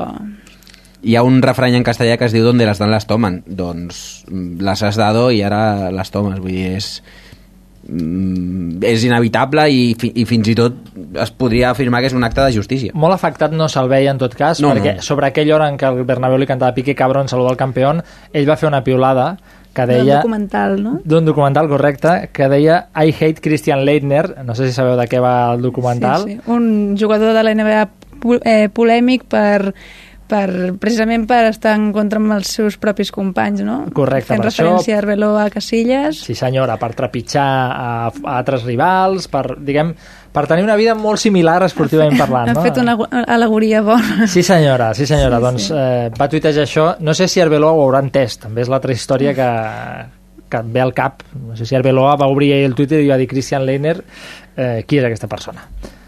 Una última, és que me, me l'estic fent des de la prèvia i, i no vull deixar-ho escapar. Abans del partit, eh, Fernando Torres, quan li, van, quan li van preguntar per la final, va dir que era el partit més important de la seva carrera. Um, S'ha de recordar que Fernando Torres és campió del món amb Espanya, campió d'Europa amb Espanya, de fet és el que li dona l'Eurocopa de 2008. Uh, si en lloc de Fernando Torres aquestes declaracions les fa Gerard Piqué, l'estan matant, perquè està sobreposant el club a la selecció i a mi em va semblar molt valent i molt aplaudible per part de Torres que en un moment donat digui escolti, el, jo he estat atlètico des que tinc ús de raó i em fa més il·lusió la, guanyar la Champions que una cosa que per una banda ja tinc però que igualment i, ho poses a la balança i fa més il·lusió això. Això probablement donaria per setmanes i setmanes de debats eh, pseudopolítics, de Sí, tant. qui cau millor, qui cau pitjor, en fi. Bueno, el problema és que Fernando Torres jugui una final de la Champions. Aquest, per mi aquest és el problema. Vull dir, em sembla un jugador espantós que no té absolutament... Tu ets dels que els posen al carro d'exfutbolista, eh? Ostres, però veure, o sigui, uh, no sé, el que va... Compares Griezmann, uh, Yannick Ferreira Carrasco uh, amb Torres, ostres, és que jo no... A mi em sembla totalment inconversible que jugui ell. Ha tingut Simeone sentat a Vieto tota la temporada a la banqueta. Ostres, no ho sé. Però-. Bueno, uh, va ser algú inoperant en el camp. Però al final de temporada Fernando Torres és bo. Molt bo. Jo és, diria que molt bo. És que jo el tinc creuat de fa molt de temps. No, a mi, a mi I- també em sembla un jugador inflat, però no, això no, una, una cosa no treu l'altra. O sigui, de fet, mm, el, la recta final de la Potser temporada... és, potser és útil per al sistema Simeone, però és que el tinc... Jo, jo és que no, no, no, no puc entendre. No, tampoc és tant de la meva devoció, però les coses com són. No patiu, mira, no, no discutirem de Torres perquè tenim coses més xules i més divertides de les que discutir i perquè, a més, eh, arribats a aquest punt, Guti, pots destruir la undècima perquè no en tornem a parlar més? Gràcies, gràcies, s'ha acabat. Fins aquí la undècima. Per cert, després parlarem de la nova equipació del Barça, un tema més alegre, que s'ha posat a la venda avui, i justament la nostra pregunta a les xarxes socials anava, so, anava, anava no, eh? anava sobre aquesta indumentària nova, oi, Aina? Sí, eh, clar i català. T'agrada la nova equipació del Barça 2016-2017? Els preus potser no tant, ja ho comentarem, suposa, això també. Sí. Aquí ho deixo, la falca. La, la més cara, que és l'edició aquesta, que és la, el duplicat o, o la que més s'assembla a la dels jugadors, crec que són 140 euros sense nom, 155 amb nom, endavant. Eh, S'ha de treballar una mica Sí, per poder-la pagar. la- L'acabarem pagant a plaços, la samarreta del Barça, perquè és, és, és, és, Crec que la versió aficionat que en diuen els de Nike val 85 euros. Tampoc, tampoc seria la, la ganga del segle. No, però us he dit primer la cara, No, perquè, no, i us, tant, perquè us tant. sembli que l'altre és un pecat. que de fet la, la, la, la, la barata, la versió aficionat, és més, és més clareta, Sí. no? I, I encara és més vintage, vull dir que a mi encara m'agrada més aquesta que, que no pas la, la primera. No, tampoc, és, és que l'altre has d'estar molt catxes per posar-te-la, Has de- també, perquè ah, és va- és va- d'aquestes elàstiques... Ah, perquè va rapada, no? Sí, Però sí la- jo semblaria un fuet, Va. diguem, si m'ho permeteu dir així. Però les dues van arrapades o una sí i una no? Jo diria que la del jugador sí i la d'aficionat no Vale, tant. perquè l'aficionat tendeix a estar una mica més... Ah, bueno, sí, clar, l'aficionat sempre... És més de cerveses, és més d'aquestes coses. Bueno, hi ha futbolistes que també són més Bueno, d'aquestes coses. sí, sí, Mira sí, Matier, sí. però Bueno. en tot cas eh, la de jugador és com més arrapadeta i molt més cara. O sigui, a sobre, que et gastes 155 euros... Has de fer operació en biquini Correcte. per portar-la. Has de pagar el gimnàs, la samarreta del Barça... o ets Brad Pitt o no, o no hi ha res. Escolta, Deixem-ho estar. eh, acabem aquest capítol de la Champions, hi haurà nova edició, en final a Cardiff i de més, però crec que tenim coses més importants de les que xerrar i per tant, mm, salto de tema. En aquest moment de la nit passen 3 minutets d'un quart de 10 m'agradaria deixar de banda la Champions, com he dit abans, perquè ja ens hem flagelat prou així que marxem cap a Manchester, una ciutat, suposo que ho sabeu, no molt gran, dos milions d'habitants, i allà hi conviuran, ara ja oficialment, José Mourinho i Pep Guardiola. I la pregunta és, tornarem a veure una guerra entre els dos? Xt, no me la respongueu ara. Potser la resposta la trobem en aquest magnífic reportatge de l'Oriol Cortés.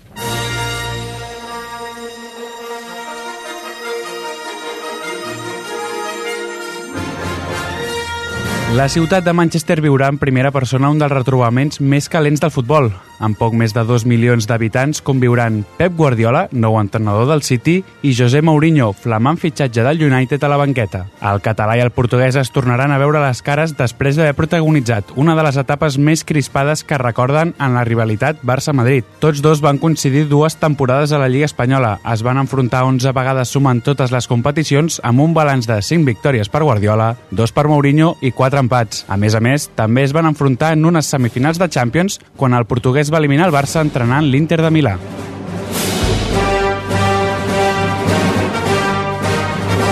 Les espases làser van estar dos anys carregades. La guerra va començar a poc a poc, coent a foc lent. Avui jo t'envio un missatge en roda de premsa, demà tu dius que no entres al joc, però un bon dia Mourinho va encendre la metxa de Guardiola.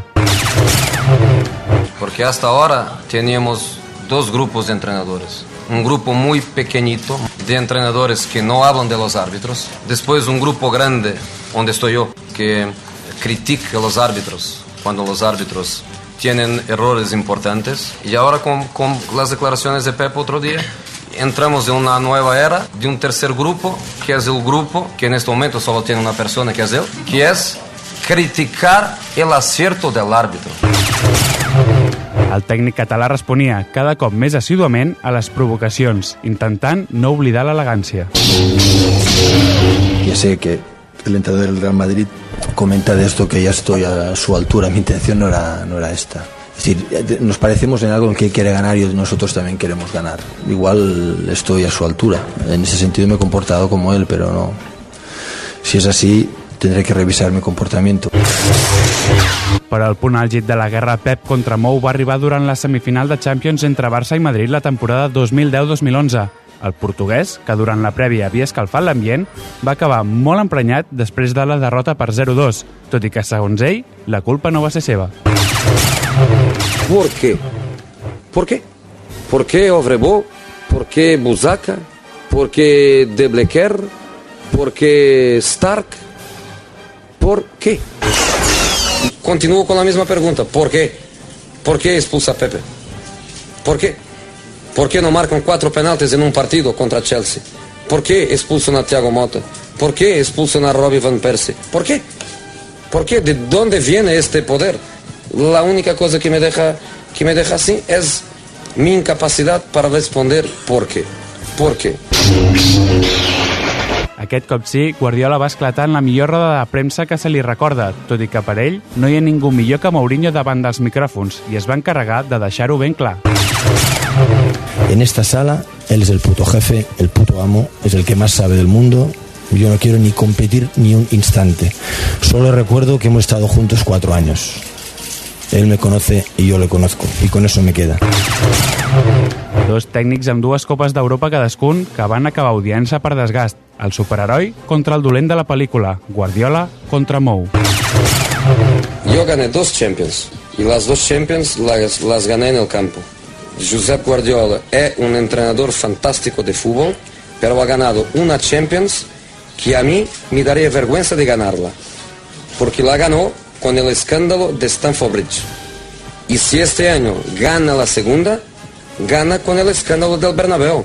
Por eso yo espero, porque Guardiola lo merece, que un día Guardiola tenga la oportunidad de ganar una Champions entera, que es la Champions que tú ganas porque ganas y mereces y todo ha pasado dentro de la normalidad. Esto es lo que le deseo, porque el respeto como entrenador, que es muy bueno, y lo respeto como persona, porque hemos estado juntos cuatro años y ha tenido siempre para conmigo un trato absolutamente fantástico. Y por eso lo respeto.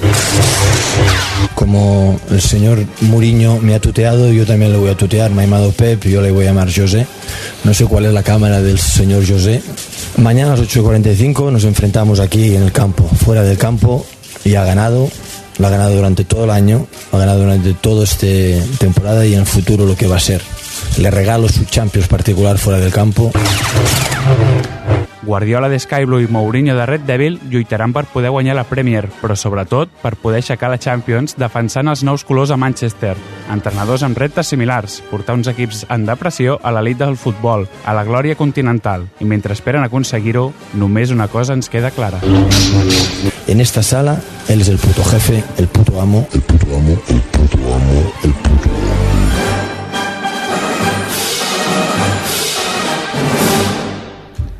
Si a la Premier li faltava algun al·licient, era aquesta guerra. Gairebé és que el, el, els escuts i els nicknames dels equips ja gairebé t'indicaven quina era la destinació adient per cada un. I el blue del cel i els àngels i, i aquestes coses tan, tan divines i tan pures per, per Guardiola i els diables per, per Mourinho. Um, jo només li demano una, una cosa a aquesta, a aquesta rivalitat, Oriol, permetem ser una mica I cabron, tant, per i és favor. Ibrahimovic al United. I llavors ja crec que Manchester implosiona i, i, i és ja per anar-s'hi a viure i, i, i crispetes i estar ja constantment en un... En un... Però això és un dos contra un, eh? Sí, sí, Això, no, no, no. Això al pati era dos contra un, no però, vale. però eh, m'és igual, o sigui, ja és el, és el que li falta, o sigui, és el, el puntet de pebre que li falta. Um, conyes al marge, uh, això reforça uh, la meva idea de que per mi la Premier, al marge de que els seus equips no destaquin especialment a Europa, és la millor lli- lliga del món. Uh, recuperar Mourinho i atraure Guardiola la reforça encara més. Absolutament. La Clara, agafo, el, diguem, passo a ella, Jordi, em permets un moment, perquè clar, ara estava pensant mentre escoltàvem el reportatge, ella és la més jove que hi ha aquí, jo no sé en quina edat va viure aquesta guerra mou eh, Guardiola, no molt més jove, òbviament, perquè no fa tant, però clar, eh, tornar-los a veure, clar, tu has viscut la guerra ja, diguem, no? Exacte, sí, jo la, la recordo però vagament, no, diguéssim, i ara tinc ganes de, de veure-la un altre cop a la Premier, aviam, aviam com, com van les rodes Et de va la premsa. marxa, eh, sí, trobo. Sí, sí, sí. Està, està bé això, eh? Tinc Ara ganes, tinc tinc ganes de veure'ls un altre cop, diu. Bé, mira-la. Com si no n'haguéssim tingut prou. Mare meva, Sotorra, què... Ah, bueno, totalment d'acord amb el Pau de que, de que això fa gran, a, fa gran a la Premier. També agraeixo tam, tenir aquest, aquest debat entre ells dos una mica lluny. Per mi Mourinho sempre com més lluny millor perquè pff, crec que no li fa cap mena bé al, al futbol en, en el tema de rodes de premsa, etc. I crec que són les dues persones del món del futbol que més feina tenen, perquè tenen dos equips que són calamitats. Vull dir, no sé, no sé jo, de, per exemple, en el cas de Guardiola del City, no crec que salvi més de 8, 9, 10 jugadors.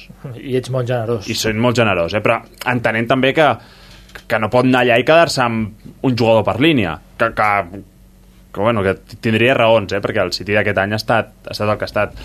Uh, i el United uh, i, el, i Mourinho al United doncs, doncs tres quarts del mateix vull dir, són dos equips que han acabat crec que amb els mateixos punts per, per gol average uh, uns van a la Champions els altres a la UEFA uh, tinc ganes de veure a Mourinho jugar a la UEFA i, i res, ja veurem Mourinho jugant l'Europa League, eh? Sí, bueno, jo li dic UEFA encara perquè una el, mica... el karma, allò que li va dir a Casillas que s'havia anat al Porto pa, i que podia guanyar la Champions doncs tot torna. tot, torna i, i en aquest cas abans.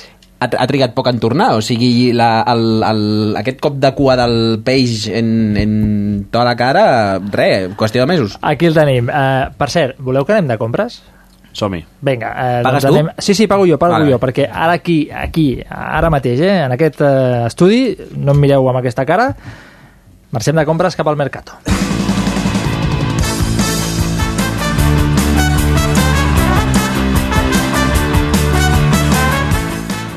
Ens queda poc més de 20 minuts de programa i amb les competicions de clubs acabades inaugurem aquesta hora la secció del Mercato de l'Aina Grau. On Aina Grau? Bona nit de nou. Bona nit. Què tenim va, en aquest Mercato? Eh, perquè acabades, com dèiem, les competicions, comença aquesta època de, de mercadeig, eh, de, vinga, del gran El basar. que tots esperem cada estiu. Ah, exactament. Eh, on tots els diaris, a més, cada dia aposten per un nou crack que es mor de ganes de jugar al Barça. Sí, en aquest cas el primer nom és Mario Götze. El jugador alemany no ha tingut molt protagonisme en aquesta última temporada de Pep Guardiola al capdavant del Bayern de Múnich i el seu president l'ha convidat a fer un pensament, un cop de cap, o continuar al Bayern sabent que jugarà poc o fer les maletes i buscar un equip nou. A banda de Gotze, però altres noms que sonen per la davantera blaugrana, per exemple, són Kevin Gameiro del Sevilla, Lucas Pérez del Depor i Paco Alcácer del València sonen com a substituts del Trident. Els tres jugadors tenen experiència en la Lliga Espanyola, un fet que la secretaria tècnica del Barça té molt en compte, i en aquest conjunt de noms avui també s'hi ha afegit el de Juan Mata, jugador del Manchester United, que tot apunta que farà les maletes d'Old Trafford després de l'arribada de, com no, eh, José Mourinho. I el Barça, precisament, a banda d'arribades com la del quart davanter i la d'un central, ha de resoldre sortides, eh? allò de dejen salir. A l'interès de la Juventus en fer-se càrrec amb els serveis de Mascherano i Dani Alves se li ha de sumar la possible, quasi segura, esperem, marxa de Marc Bartra. Al central català li surten nòvies cada dia. La setmana passada els cants venien de València, també han arribat de Sevilla, i aquesta setmana sembla que també hi haurà equips de la Premier interessats en els seus serveis. Manchester United i Tottenham són els que de moment comencen a sonar. També Adriano, del que aquesta tarda s'ha sabut que té un preacord amb la Lazio per quatre temporades. Això sí, sempre i quan el lateral dret obtingui la carta llibertat del Barça. Perfecte, ho deixem aquí de moment perquè en els 3-4 minuts que ens queden m'agradaria que els tertulians comentessin una mica el que hem explicat ara, el que ha explicat ara l'Aina molt bé, per exemple, el cas de Mata, que sembla que Mou no el voldrà, ja va estar a punt de fitxar fa temps pel, pel Barça, us encaixa? Clara, Jordi, Pau? Qui vulgui, eh? A mi no, no, és, no sé si encaixar, encaixaria amb el Barça. A mi no és un jugador que, que m'il·lusioni. Entenc que el Barça aquest any no portarà jugadors que, que ens il·lusionin. Simplement portarà doncs, a peça per peça, si se'n va, Marc, si se'n va Marc Bartra un central, si se'n va Adriano doncs, un lateral esquerre, però no portarà ningú de primer nivell. De fet, l'any passat eh, vam fitxar a l'estiu a Aleix Vidal i, i Arda Turan, que són bons jugadors, bons recanvis, tot i que Aleix Vidal no, no ha jugat, eh, però no, no crec que portem cap primera espasa. Quan Els- dius primera espasa, per exemple, Denis Suárez t'encaixaria? Ho dic perquè Denis Suárez... Bueno, de, sí, Denis Suárez... Sembla ser que està al caure. Per mi no és un primera espasa, però crec que és un jugador que pot donar molt al Barça, eh? I, i crec que uh, s'han complert els timings perfectes de, del que jo moltes vegades demano, no? És un jugador que acaba el Barça B a segona, uh, se li queda petit a la segona, uh, va cedit, ha anat, a, ha anat cedit a Sevilla i Villarreal, ho ha fet molt bé i, i ara torna aquí. Uh, I sí que m'encaixa perquè és un jugador que, no sé, ha estat a plantejar el Barça, és un jugador que li agrada és un jugador de toc i, i sí que crec que bueno, pot fer-ho de la veritat molt bé, a mi m'il·lusiona molt. Coincideixo en l'anàlisi de, de Juan Mata, a mi sí que no, no m'il·lusiona, però m'encaixa en, aquest, en aquesta figura de, de quart davanter. I de la resta, eh, a mi m'agrada molt Paco Alcácer, molt, eh, però crec que el València amb, amb Peter Lim i Mendes no vendrà gens barat, si és que ven. I també em sembla que ha aparegut la figura de Lucas Pérez, que és un jugador diferent Del per Deportivo. jugar, sí, per jugar a la contra és un jugador molt, molt interessant i que crec que sí que el, segurament aquí al Barça sí que no, no aconseguir un bon preu perquè bé, amb el Barça és impossible però crec que seria més econòmic i en l'apartat sortides és la història de cada any o sigui, vendre és dramàtic excepte Cesc i Alexis Clar, però aquí està el tema. El Barça, d'entrada, de, de saque, que diríem, té 60 milions per fitxar, un central, alguna peça més en defensa, perquè estem parlant que Mascherano no se sap si es queda o se'n va, Alves no se sap si es queda o se'n va, Vermaelen, Vermaelen, Bartra, que per 8 milions pot sortir, i l'últim en incorporar-se, com ens deia l'Aina, és Adriano. Amb aquest reguitzell de baixes, 60 milions eh, semblen poquets, no? Per tant, i menys si no ingresses mm, diners per traspassos, que és el que sembla que bueno, el, el, el, més, el més car que podria ingressar és la nova clàusula de Bartra de, de 8 quilos, perquè es parla de que uh, Alves té, un, té una clàusula al contracte que va signar l'estiu passat de que fins als mitjans del mes que ve pot marxar lliure amb Mascherano no ens enganyem uh, si el Barça el ven no traurà més de 15 milions d'euros en cap cas.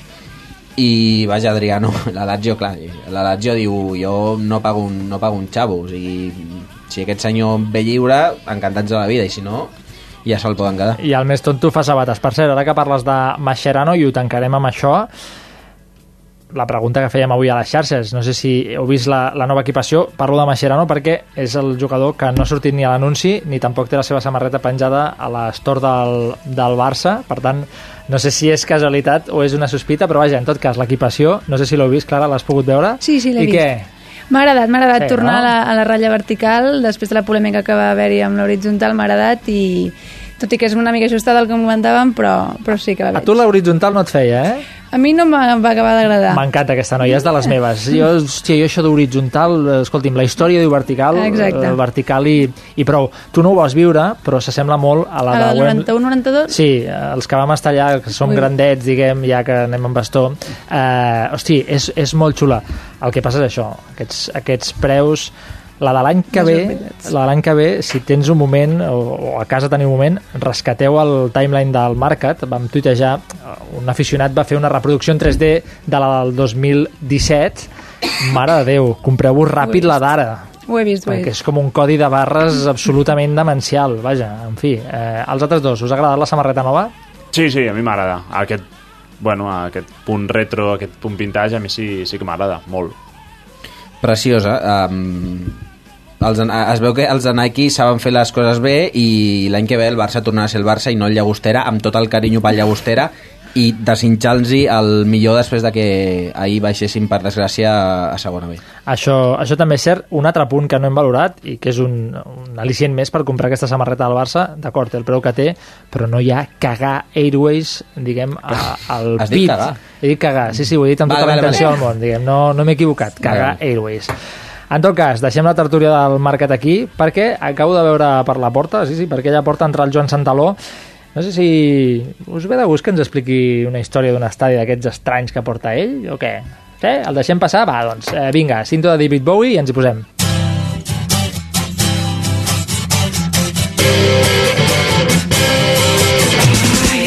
Estadis de futbol, amb Joan Santaló.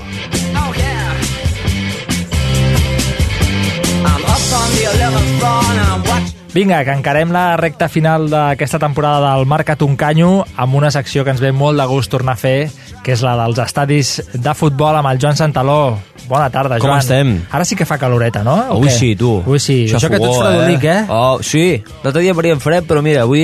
Avui fas camachitos i tot, eh? Sí, m'agrada molt, eh, això, de cultura, de cultura. FM, Bé, tio. ja fa uns dies ja et va agradar força. Sí, diguem. però m'hi fixo amb els acabats, m'hi fixo amb els acabats, perquè jo soc molt de fixar-me amb els acabats, de dir, el cablejat està ben recollidet, està, està tot ben fet. Aquí, Home, una persona que fa la secció més Ben arquitectònica d'aquest programa s'hi ha de fixar això. Sí, veig que hi ha unes brides aquí subjectant les cosetes, que, no, que ningú prengui mal. Et diré una Poca cosa, broma, eh? et diré una cosa.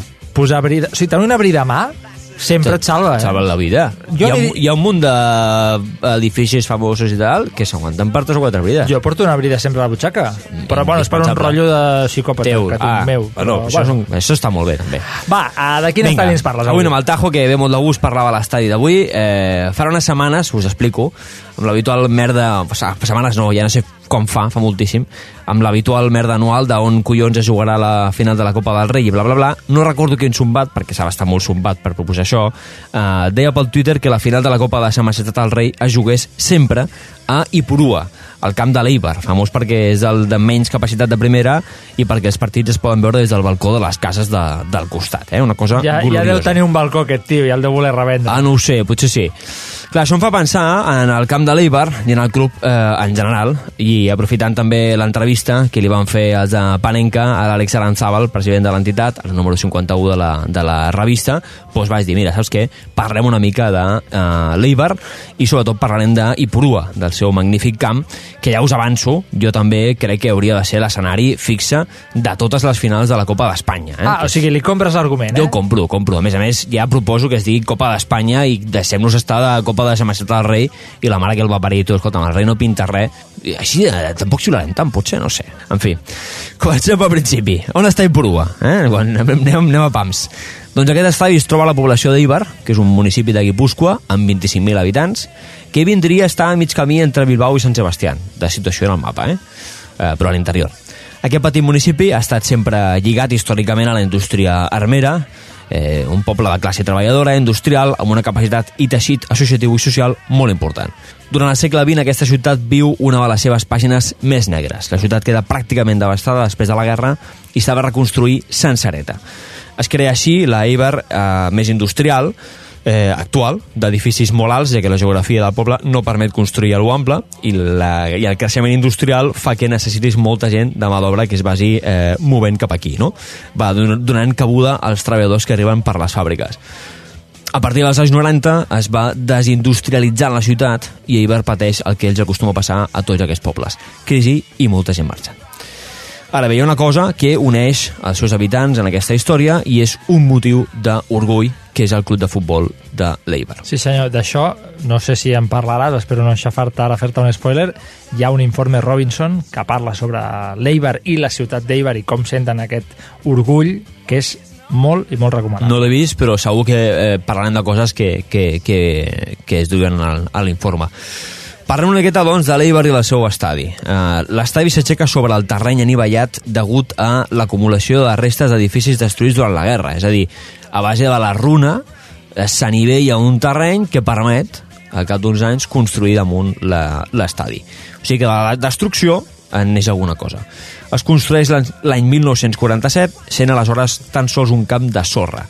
Durant els anys, tal com hi ha passat en el club, Ipurua ha patit renovacions i remodelacions mentre el club es movia entre segona B, segona i alguns anys a primera. Ara bé, més enllà de lo petit que és l'estadi, el que crida l'atenció d'Ipurua és la pròpia gestió del club, de l'Eibar i del seu projecte de, fu- de futur Ipurua Tallerra. Però bueno, anem a pams. Ipurua Tallerra, eh? Tallerra, Tallerra, sí, sí, en basc. L'Eibar és un club modest, petit, amb una forta massa social. L'any 2014 compta amb uns 1.500 petits accionistes que prenen les decisions del club en assemblees i deleguen el dia a dia en una junta. Fins aquí és un funcionament eh, que no és l'habitual amb els grans clubs de futbol, diguéssim, però per un club doncs, petitet, tal, pot funcionar tenint en compte això, un club molt de poble, 1.500 persones que tenen accions del, del club, i qual, es reuneixen assemblees i hi ha una junta que d'assemblea a assemblea doncs, s'encarrega del dia a dia, no? La temporada 2013-2014, l'Eibar aconsegueix l'ascens a primera divisió, però degut a la legislació de societats esportives s'ha de convertir en societat deportiva si no vol ser directament enviat a segona B. Ja, I teni, ja tenim el primer problema. ja tenim el primer problema. És a dir, la societat té un funcionament concret, però s'ha de convertir en societat deportiva degut a la llei de l'esport, que perjudica totalment en aquest cas a l'Eibar i en el cas en quan estaven pujant hi havia tres clubs més que no complien una sèrie de, de temes de, de, de pressupost, de deuda, etc. però com que eren societats esportives no passava res. En canvi l'Eibar, que era un club sanejat, tenia problemes per pujar a primera divisió per la pròpia llei que havien intentat fer eh, per perjudicar els clubs no sanejats. Vull dir, Eh, Té, té, té té paperons. la molta cosa, amiga, té paperons. molta amiga. Clar, aquesta situació absurda i rocambolesca obliga el club a aconseguir una ampliació de capital alerta de 2 milions d'euros en mig any, en 6 mesos. Que això per una ciutat com Eibar no ha de ser gens fàcil. No ha de ser gens fàcil. Recordem que té 1.500 accionistes, petits accionistes al club. Eh? No és propietari d'un gran accionista. Té 1.500 amb la propietat totalment repartida. Uh, aquesta situació, clar, molt complicada de fer. Què fa el club? Doncs el club busca fer aquesta ampliació de capital sense renunciar a unes senyes d'identitat. Primera, el control del club per part de la massa social ha de mantenir sent així i per tant eh, això es fa en forma de petites accions que no permeten que una sola persona o un grup empresarial domini l'entitat tenint-ne el 51%.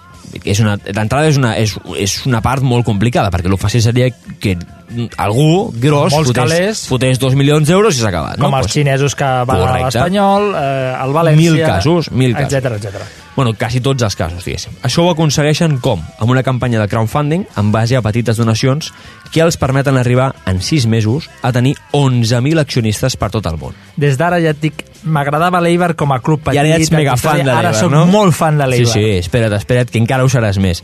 Sota aquesta filosofia de club, de, de, dir, de sobte aconseguim 11.000 petits accionistes que continuen sent els propietaris del club perquè ningú pot tenir més de 100.000 euros en accions, o sigui, mm, fan aquest, aquest màxim de dir, ningú vol dir que tampoc hi ha una entitat que pugui tenir això, eh? repartida en diferents gent. No, no, no, tothom ha de tenir un, un màxim eh, continuen funcionant per assemblea, continuen funcionant amb una junta que d'assemblea a assemblea pren decisions.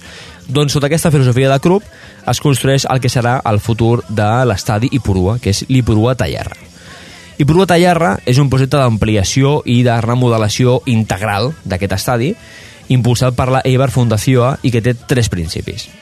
Primer és renovar l'estadi per adequar-lo als estàndards actuals, perquè, sincerament, és un estadi... És petitó. Petitó, difícil, eh, és un estadi que per primera divisió, bé, no compliria una, cer una sèrie de límits que segurament serien exigibles. Un projecte social i educatiu que entronqui esport i cultura, ara anirem a això, i la millora del barri d'Ipurua, que és el barri on es situa l'estadi. La part més destacada de tot el projecte és això que dèiem de la part eh, social i, i esportiva, que és el que es coneix com tallarra, els tallers. Eh? Ciutat industrial que vol abocar el seu passat, etc no? i retornar al barri allò que el club està aconseguint gràcies a l'esforç de tots. Com es concreta això? Es concreta en la creació d'uns espais de recerca i d'innovació sobre l'esport i la seva aplicació social gestionat juntament amb la Universitat del País Basc. És a dir, hi ha una reforma de l'estadi i això genera uns espais comuns nous.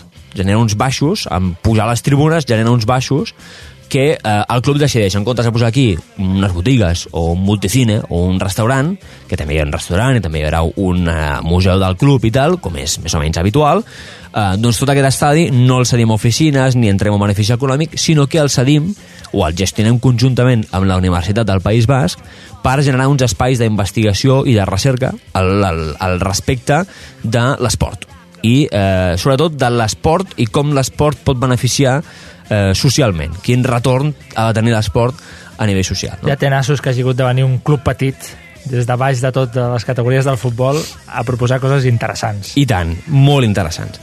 Clar, eh, després resulta que el Barça parla de valors, tot com els collons, no Vita. Va, el projecte aquest, anem a concretar-ho, consta de cinc fases. La primera és la tribuna nord, que aquesta ja està acabada i ja està funcionant. La segona és la tribuna est, que serà de maig a setembre d'aquest any, aprofitant el paron de la competició. Amb aquesta ampliació es farà el Museu del Club i el Centre d'Interpretació, que ja començarem amb el tema de les oficines eh, destinades a eh, la Universitat del País Basc. Tercera fase és la tribuna oest, del juny del 2017 al gener del 2019. Una quarta fase és l'aparcament a partir del juny del 2017 i també fins al gener del 2019. I per últim, un nou anexe per entrenaments del club eh, del març del 2018 al gener del 2019. És a dir, tot això ja són eh, les fases finals. Però la fase important que desenvoluparà el Tallarra, diguéssim que estarà acabada quan comenci la Lliga del 2016-2017. Tot això, a més a més, es fa de forma sostenible, que aquí ja és on ve el rizal el rizo. Com? D'entrada, l'estadi està pensat per un club de segona B. És a dir, eh, l'Eibar no pensa quedar-se a primera. L'Eibar és bastant coneixedor de la realitat i diuen, bueno, esto de primera és un poco temporal, eh? qualsevol dia baixem. Per tant, eh, si l'Eibar baixa, no és un problema que hagin d'arrastrar. És a dir, tenen aquest estadi pensat per una afició de segona B, que estigui a primera és temporal. Aquest estadi comporta dèficit zero perquè està cofinançat per institucions públiques i la partició pel- del club no supera els 4 milions d'euros. 4 milions d'euros. Torno a repetir, eh? 4 milions d'euros per renovar un estadi. Què val el nou del Barça? 600. Del- del- D'aquesta penya? Ni que en sé què, 600. Vinga. En fi, que quan parlen de valors i de formes de fer, mentre el club porta el nom d'una companyia aèria, d'un règim dictatorial, hi ha clubs que funcionen com a cooperatives, amb un model horitzontal, eh, pensant en revertir els beneficis de forma real a la societat i sense posar per davant resultats sobre qualsevol altra cosa. Sempre parlen de que hi ha un altre futbol que és possible, de que estem against modern football, no? aquesta línia que hi ha una miqueta, i sí, és possible, està a primera divisió, competeix, i es diu Eibar. I competeix bé. I competeix molt bé. I porta dos anys i espera't que això de baixar a segona B no ja veurem, s'allargui una ja mica. veurem, ja veurem. Molt interessant també l'entrevista que li fan els companys de Panenca en el, en el president, de la qual entrem molta de la informació que, que abocàvem aquí, uh, i sobretot molt interessant la filosofia de com construeixen l'equip. Amb baixa gent jove, uh, gent no tan jove però que aporta un punt de maduresa i el, la part més que més m'agrada, rebotats que això està molt bé, rebotats d'altres clubs que per lo que sigui no han quallat però a Eibar quallen I un japonès. això, això interessantíssim també el tema del japonès I està molt bé. Nui, eh, un dia, a- aquest home té una entrevista. És un japonès Porta'l, a Eibar. Porta'l. Estaria encantat de trucar-lo. Mira, et prenc la paraula, algun dia el farem. No sé si entendrà el Però un- però potser l'anglès sí, amb un intèrpret. algú Ho intentarem perquè m'encantaria saber què fa un japonès a Eibar. Ojo, igual parla basc, aquest tio. Eh? Ojo. Escolta'm, amb aquesta filosofia de club, igual està Igual, integradíssim. igual l'insenyen, sí. Va, Joan, eh, moltíssimes gràcies per aquest estadis de l'Eibar. Avui, diguem, eh, amb menys sàtira potser i amb molts més valors, però també ens agrada moltíssim aquesta visió de l'esport i tant de bo n'hi haguessin més com aquests. Bona nit, Joan. Vinga. Aina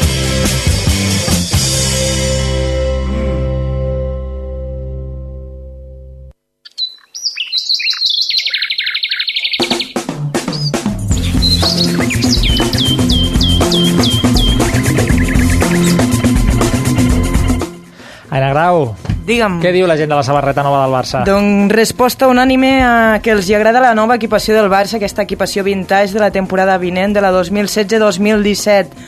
El Gerard sembla que per fi han fet alguna cosa digna i el Joan bastant, sobretot perquè no porta logos eh, sobre l'escut de, la, de campions de la FIFA, diu, però està content, està content. La gent a internet està contenta. Perfecte, així m'agrada, que la gent estigui contenta perquè per una samarreta xula que treu el Barça cada X anys, cony, eh, aprofitem-ho. Molt bé, doncs, Aina, merci, i ara sí, anem a tancar-ho com cal.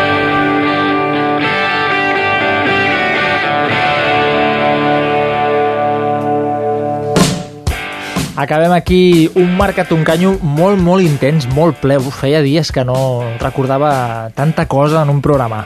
Tornem dilluns que ve a dos quarts de nou del vespre, com sempre, vaja, ja us ho sabeu això. Gràcies una nit més a la redacció del programa amb l'Oriol Cortés, l'Aina Grau, la Paula Carreras i el Guti a la part tècnica i, com no, als tertulians Jordi Sotorra i Pau Arriaga i a la nouvinguda que m'agrada molt, sóc molt fan de la Clara Marcos des del minut 1 d'avui i ja per sempre. I els de casa, que tingueu bona setmana i que el futbol us acompanyi. Yeah!